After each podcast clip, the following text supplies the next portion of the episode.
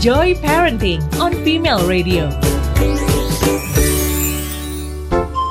Hai Femalicious, balik lagi di Joy Parenting. Ini sekarang gue akan ngobrol dengan Mbak Neno mengenai open a book, open a mind, open the world. Nah, ini back to square one ya kita ya, PSBB total kan akhirnya kembali lagi nih. Harus kita tempuh bersama dalam rangka menekan laju perkembangan uh, penyebaran pandemi yang udah makin mendekat ke titik kritis. Ini kembali lagi lah kita semua dalam tanda kutip dipingit di dalam rumah masing-masing nggak hanya stressful buat kita aja, tapi tentunya buat anak-anak juga. Main di luar bersama teman dan belajar dari mengamati dunia dan sekitarnya tentunya jadi krusial banget untuk stimulasi anak-anak. Tapi tentu sulit ya di tengah pandemi kayak gini dengan diperketat PSBB kan untuk kita bisa melakukan ini gitu. Walaupun mungkin sebagian besar aktivitas di Jakarta lagi di pause sejenak, tapi tumbuh kembang anak kan terus berjalan nih, nggak bisa di pause nih, tanpa mengenal kondisi PSBB. Dan gak main-main loh, ini adalah masalah yang dihadapi rata oleh semua anak satu generasi. Jadi di tengah apa pun keterbatasan stimulasi yang kita hadapi akibat dunia yang emang jadi nggak menentu gitu akibat pandemik ini, kita harus banyak stok cara-cara kreatif yang bisa kita lakukan untuk menstimulasi anak walaupun kondisinya harus di rumah aja. Nah, salah satu senjata klasik yang nggak pernah salah itu pastinya adalah buku. Makanya, Joy Parenting di podcast yang ke-12 ini, Open a Book, Open a Mind, and Open the World, kembali akan ngobrol dengan Mbak Neno tentang gimana sih peranan buku dalam membantu stimulasi tumbuh kembang anak. Hai Mbak Neno. Hai Sisi. Sehat Mbak Neno? Sehat, Alhamdulillah. Alhamdulillah. Uh, semua ya, Sisi juga sehat ya. Iya dong Mbak, harus sehat dong. Kalau nggak kan nggak bisa siaran, kasihan anak-anak. Mbak Neno, ini kita mau membahas, kita tahu lah semuanya. Buku itu dari dulu adalah jendela dunia untuk, nggak cuma untuk kita aja, tapi untuk anak juga. To be honest, dengan kondisi PSBB kayak sekarang nih kan aku bingung gitu. Maksudnya aku aku kesian sama anak-anak. Mau kayak gimana pun aku coba untuk providing fasilitas uh, belajar dan bermain di rumah gitu. Tapi tetap aja kan pasti ada something missing. Misalnya nih, sebelumnya kan kita bisa traveling, kita bisa at least ke mall lah gitu aja kan, ngeliat-liat dunia gitu. Tapi sekarang kan untuk memperkenalkan dunia kepada anak aja kan gimana gitu rasanya opsinya tuh gak bisa karena kondisinya lagi pandemi gak menentu kayak sekarang. Ini gimana ya Mbak biar wawasan anak-anaknya tetap bisa berkembang di tengah keterbatasan akses eksplorasi kayak sekarang gitu loh Mbak.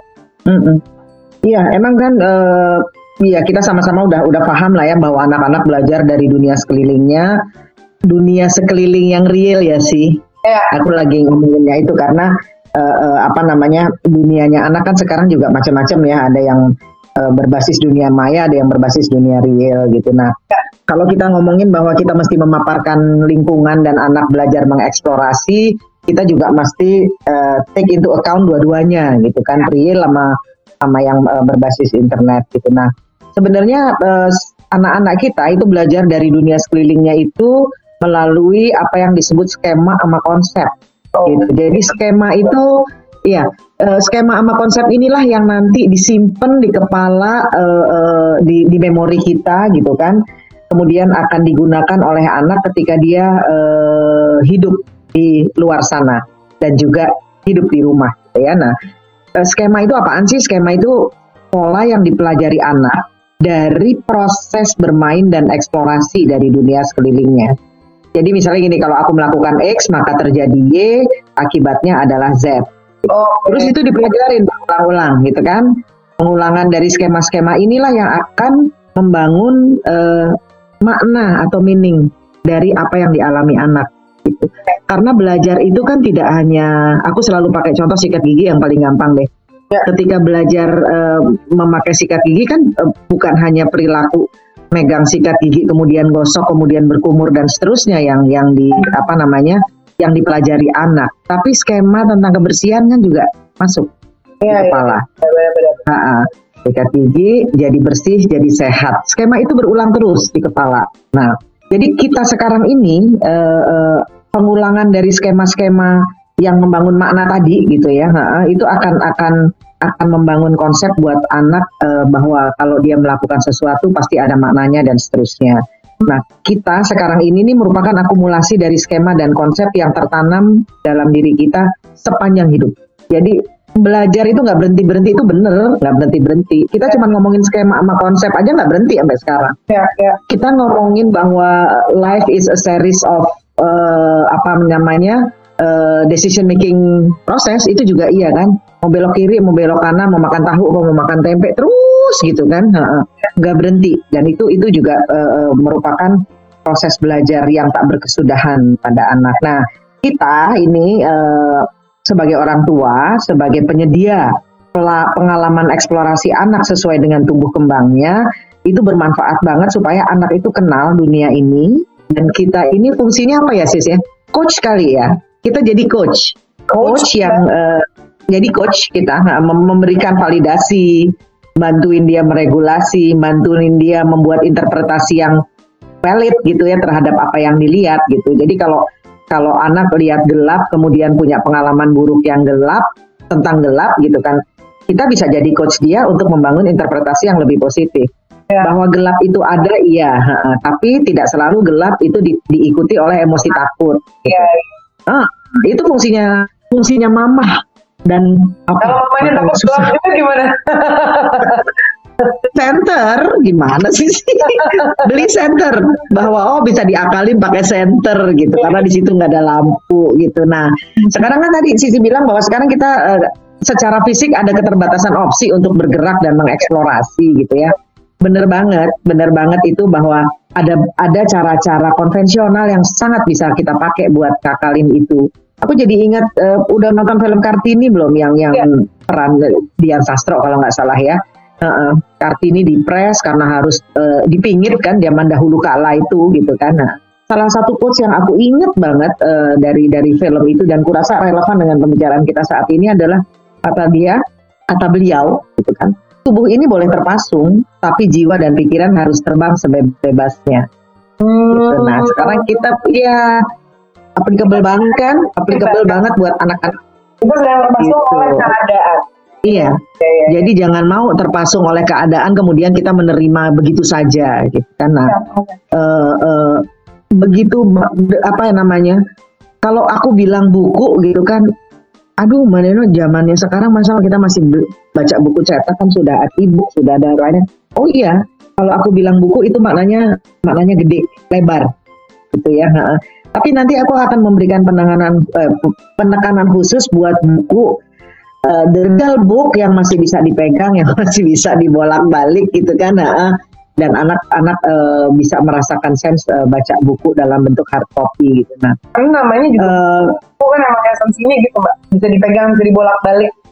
Kalau di bisa dibolak-balik. Ya. kalau di bukan buku kan. Benar, tidak tergantung dengan wifi, tidak tergantung dengan bandwidth gitu kan. dia sekali kita dia uh, ada di kita dia akan ada ada terus gitu. Nah, eh ini aku ambil contoh deh anak usia 15 18 bulan misalnya. Kayaknya kan belum bisa bicara ya. Banyak yang belum bisa bicara gitu. Nah, tapi jangan salah, mereka udah bisa mengorelasikan antara objek di gambar yang ada di buku dengan objek nyata yang di real life. Jadi lihat foto mama gitu, kemudian lihat wajah mama, dia tuh udah bisa mengkorelasikan itu. Gitu ya. Apalagi anak yang udah gede. Gitu. Nah, eh, aku ingin menawarkan dalam situasi kayak sekarang, kita memilih buku deh sebagai salah satu tools eh, menjadi jembatan untuk menemani anak membentuk skema-skema dan memahami konsep-konsep yang bisa jadi bekal dia buat hidup Oke. gitu. Buku. Emang kok mundur sih buku? Enggak. Baca buku itu tidak pernah mundur kalau menurutku. Hmm. Dia akan selalu selalu ada gitu. Nah, Ya. eh, karena karena apa gitu kan? Anak-anak terutama di usia dini itu kan selalu menganggap aktivitas mereka eh, lakukan sebagai bentuk bermain untuk bersenang-senang. Padahal pelajaran yang diserap itu banyak banget, gitu ya banyak banget. Nah, eh, ketika anak mengkonstruk meaning dari makna tadi ya dari interpretasi apa pun yang dia dia eh, berinteraksi dengan apa pun yang ada di sekelilingnya itu benar-benar akan membantu anak memahami bikin frame di kepala bahwa kegiatan yang sedang saya lakukan ini ternyata tidak hanya bersenang-senang tapi saya dapat banyak banyak hal gitu karena makin banyak fitur seperti sekarang interaktif e-book, soundbook, uh, 3D book yang ditunjang dengan gadget yang canggih-canggih gitu ya.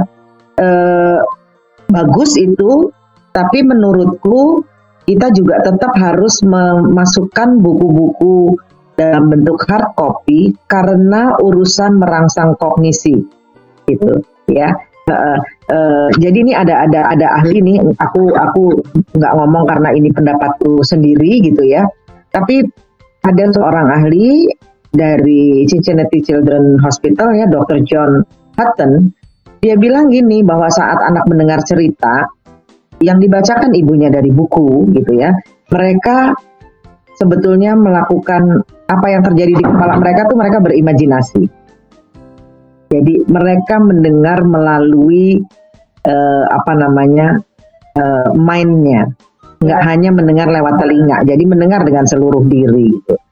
Kalau kalau ibunya bilang ada kodok melompat di kolam, gitu kan. Bandingkan rangsangannya dengan dia melihat screen, kodoknya melompat, tapi tidak ada suara ibu yang cerita. Iya iya iya. Ya. Beda kan? Nah, itu itu itu itu itu itu beda. Jadi makanya uh, uh, ibu membacakan cerita dari buku yang bisa dilihat bersama itu ada ada efek-efek yang nggak didapatkan dari screen. Nah sering kali screen ini kan uh, sudah melengkapi semua yang terjadi interaktifnya udah uh, segala rupanya udah. Nah tapi anak membayangkannya itu uh, kayak udah disodorin di depan gitu loh sis, sis udah ada semuanya. Nah, tapi kalau kalau ibu bilang kamu tahu kodok nggak? Gitu kan dia lalu uh, bisa yang kebayang burung bisa yang kebayang kucing gitu sampai uh, dia ketemu oh, oh kodok. Maksudnya kodok adalah yang ini. Jadi kalau proses imagining ini uh, uh, berimajinasi ini dalam tanda kutip diambil atau dicuri oleh fitur-fitur yang canggih itu kan sayang otak anak ini nggak kebagian part stimulasi di bagian itu. Iya benar benar benar. Nah, jadi konteksnya gitu ya. Nah, agak rudet, agak ruwet, tapi hmm, kenapa aku mau membawa membawa ke buku itu kira-kira uh, uh, begitu gitu. Aku paham banget sih mbak, karena aku suka terbacain cerita sama anak-anakku kalau misalnya mau tidur tuh biasanya aku bacain cerita. Uh -huh. Aku ceritanya tentang monster under the bed. Jadi -huh. ada monster gitu ceritanya. Monsternya suka minta makan. Nah aku cerita nih, so the monster, monsternya nggak dikasih lihat bentuknya kayak apa, tapi kedua anakku itu punya imajinasi yang berbeda. Yang satu bilang warnanya green, and then hmm. taringnya ada taringnya. Tapi yang satu lagi ada taringnya. Iya, yang satu lagi bilang enggak monsternya uh, flab, flabby gitu. Jadi monsternya kayak Iya, iya. Gitu, warnanya yeah. mukanya kayak tomat. Jadi kan ini dua dua yang berbeda, nih padahal ceritanya sama gitu. Mm -hmm. kayak gitu. Itu itu yang aku maksud. Iya kan? Uh -uh. Iya iya. Mm -mm. Dan aku happy. Itu dan dan kita nggak usah benerin, nggak usah nyalain kan terhadap imajinasi iya, itu. Iya gitu. Nah okay. karena kita bikin kita bilang monsternya itu emang kita bikin ngambang. Aku tahu lah triknya ibu-ibu bikin sesuatu yang nggak habis-habis ditanya-tanyain. Jadi kita iya benar-benar uh, iya hari ini jadi cookie monster besok jadi martabak monster besok lagi jadi apa? Iya iya iya. Itu ya. Nah Uh, jadi menurutku sebenarnya buku itu adalah media untuk apa ya boosting up gitu ya kualitas interaksi antara kita mana kita. Yeah, yeah. Yang utama tetap interaksinya. Hmm. Buku toolsnya semakin banyak, semakin canggih, semakin interaktif gitu ya. Uh, jangan sampai interaksinya jadi makin sedikit karena kita udah bilang oh udah bagus kok uh, buku 3D yang ada sekarang di apps Anu wah itu udah lengkap deh pokoknya menstimulasi anak dari A sampai Z terus ibu lepas tangan gitu anak sibuk menstimulasi dirinya sendiri ya berinteraksi dengan screen itu yang aku saranin jangan dong nggak begitu ya, ya, ya. jadi apps apps itu adalah tools ya. Mm -hmm. nah sekarang kalau gitu. misalnya, misalnya mbak aku baca buku untuk anak-anakku gitu ya kadang-kadang kita mm. baca bukunya ganti-gantian jadi dimulai dari sisi yeah. dari mama uh -uh. terus mulai kasih ke anak pertamaku ke Maika terus dilanjutin lagi mm. itu tuh setiap halaman mm. di setiap halaman kita yeah. muter gitu cuma mm. gimana caranya biar maksudnya anak-anakku ini kan kalau baca juga kadang-kadang eh, bacanya suaranya kecil gitu gimana cara ngajarinnya dan sebenarnya kita kan sebelakangan ini sering dengar istilah reading aloud. Iya. Kan? mm. Baca nyaring kalau bahasa Indonesia-nya. Baca nyaring. Sebenarnya baca nyaring Baca tuh nyaring. manfaatnya tuh apa baca nyaring? Eh, eh. Ya, eh, apa namanya? Nah itu aku seneng tuh teknik yang tadi Mama dulu baca. Hmm. Mama kan role model kan, jadi anak bisa ngeliat, bisa mendengar bahwa ketika Mama baca suaranya sekenceng ini, eh, kecepatannya eh, segini gitu Ya. kan. Nah, walaupun dia belum bisa niru, belum bisa niru sempurna, makanya harus bolak balik. Gitu. Ya. Nah, Ya benar sekarang reading aloud atau baca nyaring itu eh, sedang digadang-gadang dan udah banyak penelitiannya dianggap memiliki kontribusi positif yang luar biasa terhadap terhadap eh, anak gitu ya. Nah eh, ada peneliti dari sebuah universitas eh, di di Amerika sana gitu ya. Eh, tadi aku bilang bahwa bayi yang belum bisa bicara bukan berarti ia tidak bisa belajar. Nah reading aloud atau di, dikenal dengan istilah membaca nyaring ini kalau dilakukan sedari dini, gitu ya, eh, dan dengan frekuensi yang sering dan teratur itu konon bermanfaat banget buat perkembangan otak. Tuh, nah, eh, ada dua bahasa yang yang lagi dipelajari oleh anak-anak usia dini. Satu reseptif, terima ya.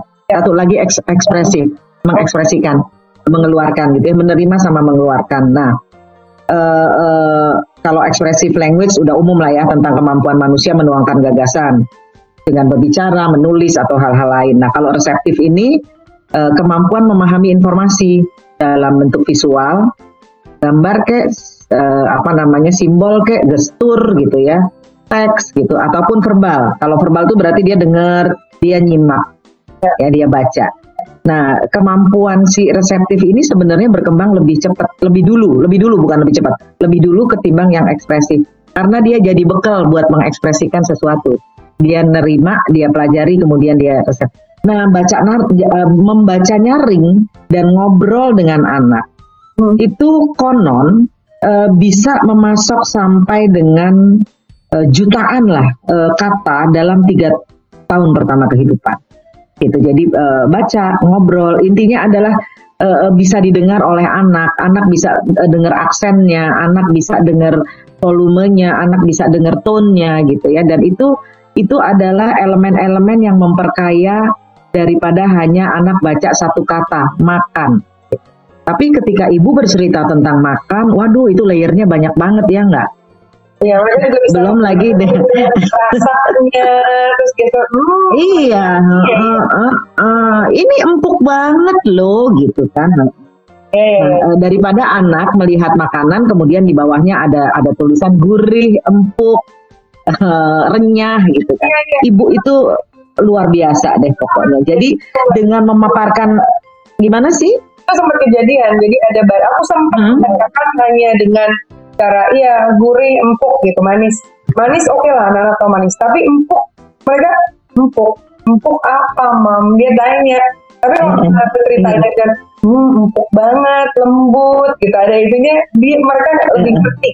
lebih iya satu le- lebih atraktif gitu kan jadi eh, banyak itu ada yang tadi aku bilang ada rhythm ada repetition ada rhymes ada konteks ada skema kalau cakep banget belajar ini nanti kayak mamanya bisa jadi penyiar gitu loh enggak ya itu makanya eh, eh, para ahli itu para ahli eh, tumbuh kembang anak itu merekomendasikan orang tua untuk membaca nyaring kepada anaknya sejak dini, membaca dengan suara. Oke. Gitu. Nah, eh, eh, apa namanya? Eh, membaca nyaring ini ditambah dengan daily conversation itu akan memperluas wawasan vocab anak. Karena kata-kata yang digunakan sering kali men- merupakan unique word type. Kalau eh, apa namanya eh, kita orang dewasa berbicara sama anak misalnya nggak pakai buku gitu ya dengan pakai buku itu ada bedanya. Seringkali di buku kita menemukan kata-kata yang ama mama, ama papa kalau dalam keseharian nggak di nggak ada, nggak dipakai. Nah, tapi tiba-tiba ada gitu kan. Nah, Dan anak itu suka nanya, itu apaan sih mah? Kita berusaha untuk mencarikan jawaban gitu. Jadi makanya eh, eh, ba- bagus banget kalau kita bisa bisa memilih buku yang kita pikirin banget jumlah kata-katanya, kualitas kata-katanya, pilihan kata-katanya itu di, di, dipikirin banget. Jadi kalau milih buku nggak hanya gambar, tapi ada kata-kata. Benar. Nah, eh, ya macam-macam lah ini ya, apa namanya eh, manfaatnya ya, yang semuanya terkait dengan eh, proses kognisi dan juga dengan pengayaan emosi anak gitu. Dan eh, apa namanya biasanya terus nanya terus gimana dong caranya gitu kan? Aduh bener deh kalau kalau nanyain soal how to-nya membaca nyaring eh, berinter apa namanya ngobrol sama anak itu isi pisi uh, lemon squeezy banget lah gampang lah gitu ya asal kita mau. Lurusnya cuma empat sih. Lurusnya cuma empat. Satu rutin yang kayak sisi lakukan tadi. Oke. Okay. rutin. Ya. Nah, rutin itu kan nggak selalu setiap hari. Kalau anaknya udah gede misalnya bisa jadi setiap Senin sama Kamis ya. Jadi sekalian dia belajar konsep hari gitu kan nah, rutin minimal 5 sampai 15 menit sehari. Jangan lama-lama sejam baca terus anak udah bosen. Iya, malah jadi gitu, cabut, gitu. malah jadi kabur nanti. Iya, benar. Nah, terus interaksinya mesti friendly and fun yang kayak tadi itu. Kita sebagai ibunya atau bapaknya atau kayak yang lain ya, harus bisa menghidupkan cerita. Ceritanya kita hidupin. Ya. Uh, ada kalimat yang sebenarnya nggak hidup-hidup amat tapi uh, uh, wah bisa kita bikin heboh gitu. Atau kalau cerita soal kesedihan dan lain-lain kita bisa aduh pakai suaranya yang pelan supaya kesedihannya kerasa gitu kan dan dan oh, seterusnya dan peran mbak kalau aku biasa nah bermain peran juga bagus hmm. misalnya Kairo hmm. jadi koalanya Maika jadi tigernya Mama jadi rabbitnya hmm. gitu jadi hmm. Hmm. Hmm. Iya bermain peran dan kalau sudah ada bukunya kita sampai heran-heran ketika anak-anak juga uh, tidak hanya berpatokan pada kata-kata di buku itu dia akan create sendiri gitu. Ya apalagi dikasih peran tertentu gitu. Di bukunya nggak ada koalanya ngumpet di kolong tempat tidur, tapi tiba-tiba dia ngumpet gitu. Jadi dia juga eksplor berbagai hal. Anak akan melengkapi kalimat dari teks buku, kemudian uh, memperkayanya gitu. Jadi tetap harus ada ya personal contact, uh, mata, uh, uh, sentuhan dan lain-lain ya. Sehingga kita bisa melakukan apa ya, uh, membaca, kemudian relax, kemudian respons gitu kalau umpamanya ceritanya memang kita ceritanya wah ceritanya lagi horor gitu. Membaca lalu ada eskalasi emosi takut dan lain-lain itu lalu kita berespon. Takut itu namanya dan takut itu nggak apa-apa gitu. Jadi eh, itu sih di saat kita nggak bisa merasakan eh, eh, apa namanya kemewahan ke sana kemari menurutku eh, buku itu salah satu yang harus kita taruh lagi di atas meja bareng-bareng sama anak sama itu loh uh, apa namanya uh, uh, game board juga lo segala macam mainan yang main sama iya yang kayak gitu-gitu board game ya yang yang itu uh, interaksinya tuh luar biasa loh sama kita main monopoli gitu misalnya ya. Iya, iya. Mbak, tapi sebenarnya Mbak kalau untuk uh, tadi kan Mbak Neno sempat bilang yang penting rutin. Dan iya rutin dan rutinitas itu akan menjadi disiplin pada saat mereka besar nanti kan sebenarnya dimulai hmm. dari usia berapa sih mbak yang yang yang apa ya yang yang cocok gitu anak juga bisa mengerti udah iya. memberikan pertanyaan kalau para ahli bilang sedini mungkin lalu seberapa dini gitu ya ha -ha. Uh, suka lihat nggak sekarang bahkan ibu-ibu muda sering waktu masih hamil aja udah baca cerita ke anak-anaknya. Iya iya aku juga melakukan itu sih. Iya kan? Ya aku juga aku aja dulu uh, melakukan itu didengerin musik gitu karena karena juga ternyata dari sisi keilmuan banyak sekali studi-studi yang menyatakan bahwa bahwa stimulus-stimulus seperti itu juga berkontribusi baik gitu ya. Walaupun tentu cara cara mencernanya beda ya, ha -ha. mungkin dari irama gelombangnya dan lain-lain kalau aku bilang ketika uh, anak 6 bulan, 7 bulan, 8 bulan ketika dia udah bisa ngeliat kan banyak banget baby books yang yang bisa kita pakai. Tapi bukan menceritakan dalam konteks seperti anak-anak udah toddler gitu, beda. Nah, tapi pengenalan terhadap buku itu mulailah sedini mungkin, nggak ada ruginya. Oke. Okay. Gitu kenalin buku dulu baru screen kali ya. Nah itu itu dia tuh mbak tuh, benar. Itu. Uh, uh. Kayak kayak sekarang gitu. ini kan ada buku terus gitu anak-anak udah mulai mencari banyak juga anak-anak kecil yang udah punya Instagram, sosial media dan yang lain-lain. Iya. Uh, uh. um, Sebenarnya yang aku pengen tanyain lagi adalah konten digital sih mbak. Ini kan sekarang udah ada banyak banget konten digital yang Mm. edukatif dari berbagai macam Mm. gadget lah nih. Tapi kenapa Iya. manfaat buku tetap nggak bisa tergantung? Mm-mm. Iya. mm-mm. Karena kalau yang dari aku jelasin tadi, sebetulnya intinya, dasarnya adalah eh, bahwa anak belajar dari interaksi dan percakapan dengan caregivernya. Siapa pun caregivernya itu, siapa pun significant others. Aku lebih suka nyebutnya significant others yang ada di sekeliling anak. Nah, jadi nggak cuman ibu, cuman ayah gitu kan, tapi ada ada sitternya barangkali, ada mbak pembantu, ada tantenya, ada omnya atau siapa pun yang punya eh, ada kakek neneknya gitu ya. Nah, itu intinya di situ. Anak belajar dari interaksi dan percakapan. Nah, mereka butuh mendengar dari manusia lain, bukan hanya dari screen. Iya. Ya, screen iya, tapi dia juga butuh dengar suara yang yang yang real. Nah, dalam konteks ini eh, buku itu menyediakan kontekstual dan bahan obrolan yang lebih kaya dibandingkan daily conversation biasa. Makanya aku jadi paham ketika eh, Sisi nanyain terus isinya gimana gitu kan, kontennya gimana gitu kan. Nah, di awal tadi aku bilang soal skema ya. Kalau dalam konteks memperkenalkan skema baru, mungkin nggak sepenuhnya misalnya bisa diwakili oleh buku karena sifatnya dia gambar diem gitu. Yang menghidupkan buku adalah kita orang dewasa yang ada di sekeliling dia. Sampai dia bisa baca sendiri. Oke. gitu makanya dan dan untuk ngecek apakah eh, eh, dia bisa membaca apakah dia eh, proses reseptifnya juga bagus kan gantian. Bacain dong buat mama gitu. Yang tadi kamu bilang gak giliran gitu ya Sesiana dalam kontekstual PSBB gini eh, kita ingin memenuhi kebutuhan keinginan tahuan anak tentang singa gitu misalnya ya buku tentu nggak bisa memberikan gambaran yang jelas tentang bagaimana singa berlari bagaimana suara sekaligus visualisasi singa saat mengaum. Di awalnya kita yang memvisualisasikan itu. Lalu setelah itu bisa kita lanjutkan dengan screen untuk melihat singa yang sebenarnya. Ya. Gitu. Atau singa kartun dulu, habis itu baru singa yang sebenarnya. Iya. Eh, jadi di awal kita dulu dong yang masuk gitu. Daripada membebaskan anak memilih apa sendirian di usia-usia yang sangat dini itu menggoreng, menerima, menerjemahkan sendirian nggak didampingin gitu kan bahaya di situ. Nah eh, jadi media digital dengan media yang eh, eh, konvensional harus bisa barengan gitu. Nah paradoks kan tuh paradoks banget gitu. Nah eh, tadi pertanyaannya adalah soal soal apa namanya isi ya. Kalau aku tuh gini eh, soal kontennya ya. Eh, aku tuh biasain anak dari kecil untuk mereka mencintai buku. Satu dengan contoh, eh, satu dengan dongeng, ngikutin cara caranya Sisi tadi. Tiap malam baca. Kenapa kok harus rutin sih? Kenapa kok harus berulang? Kan anak harus belajar dari pengulangan.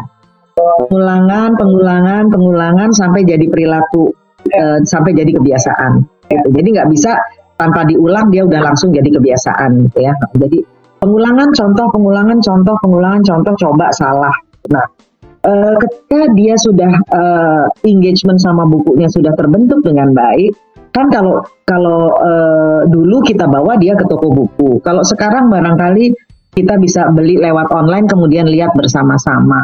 Ada satu triks yang udah ku coba beberapa kali di banyak keluarga itu eh, berhasil adalah eh, dalam setiap membeli buku kita akan beli dua buku sis. Satu kita yang milihin. Ya. Kenapa kita yang milihin? Nah, karena eh, kita sudah lebih memahami asupan-asupan apa saja yang harus diberikan pada anak dari sisi konten. Ya. Gitu. Satu lagi bukunya dipilih anak. Gitu. Jadi kita memberikan kemerdekaan buat anak untuk memilih buku sesuai dengan apa yang jadi minat dia, apa yang jadi perhatian dia saat itu. Jadi dua-duanya bisa jalan.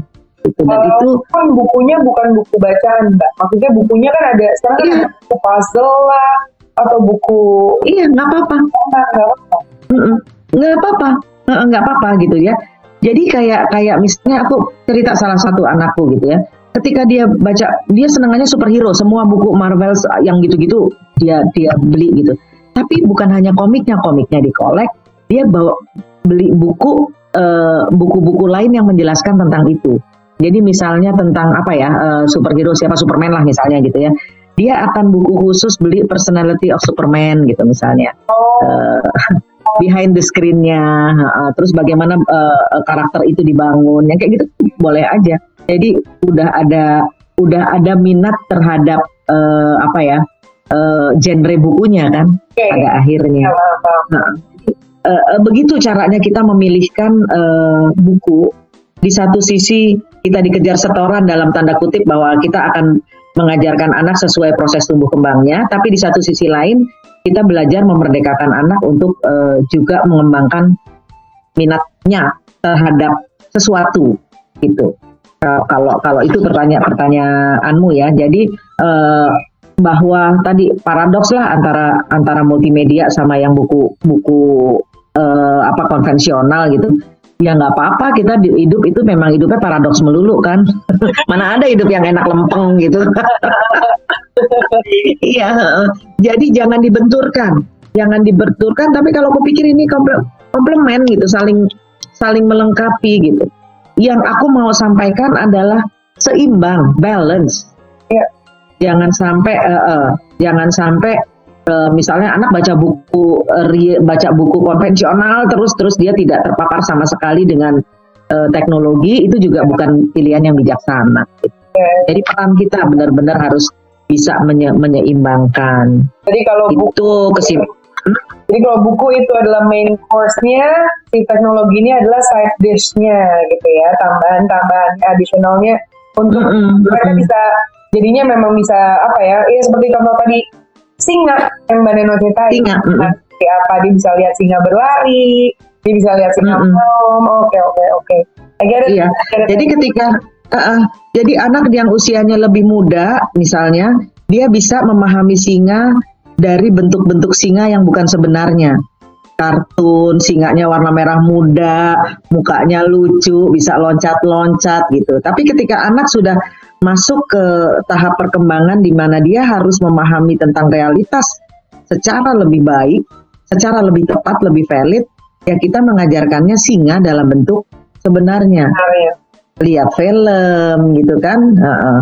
Eh, eh, membaca buku-buku yang ada foto singanya gitu. jadi itu pun kan ber- bertahap kita nggak bisa bilang eh, jangan ngajarin gajah yang warnanya pink dong gitu ya nggak apa-apa di depan gajahnya warnanya pink nggak apa-apa karena usianya dia bisa memahaminya segitu tapi ketika sudah anak lebih besar ya harus lebih realistis gitu jadi itulah membaca nyaring membaca nyaring, eh, interaksi percakapan langsung itu eh, tetap yang baik dan utama buat anak. Yang eh, sebaiknya jangan langsung digantikan oleh teknologi. Jangan ditinggalkan begitu saja. Oke, oke, paham sekarang. Jadi kesimpulannya adalah membaca nyaring dan interaksi percakapan langsung untuk anak, Mbak.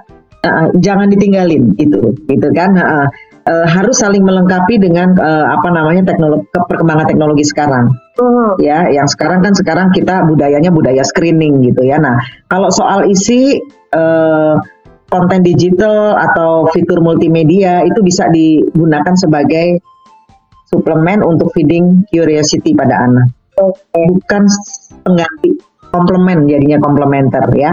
Kalau sudah memberikan eh, apa namanya suplemen untuk memperkuat pemahaman anak akan suatu topik kita pilih interaksi multimedia yang sesimpel mungkin ngikutin usia gitu.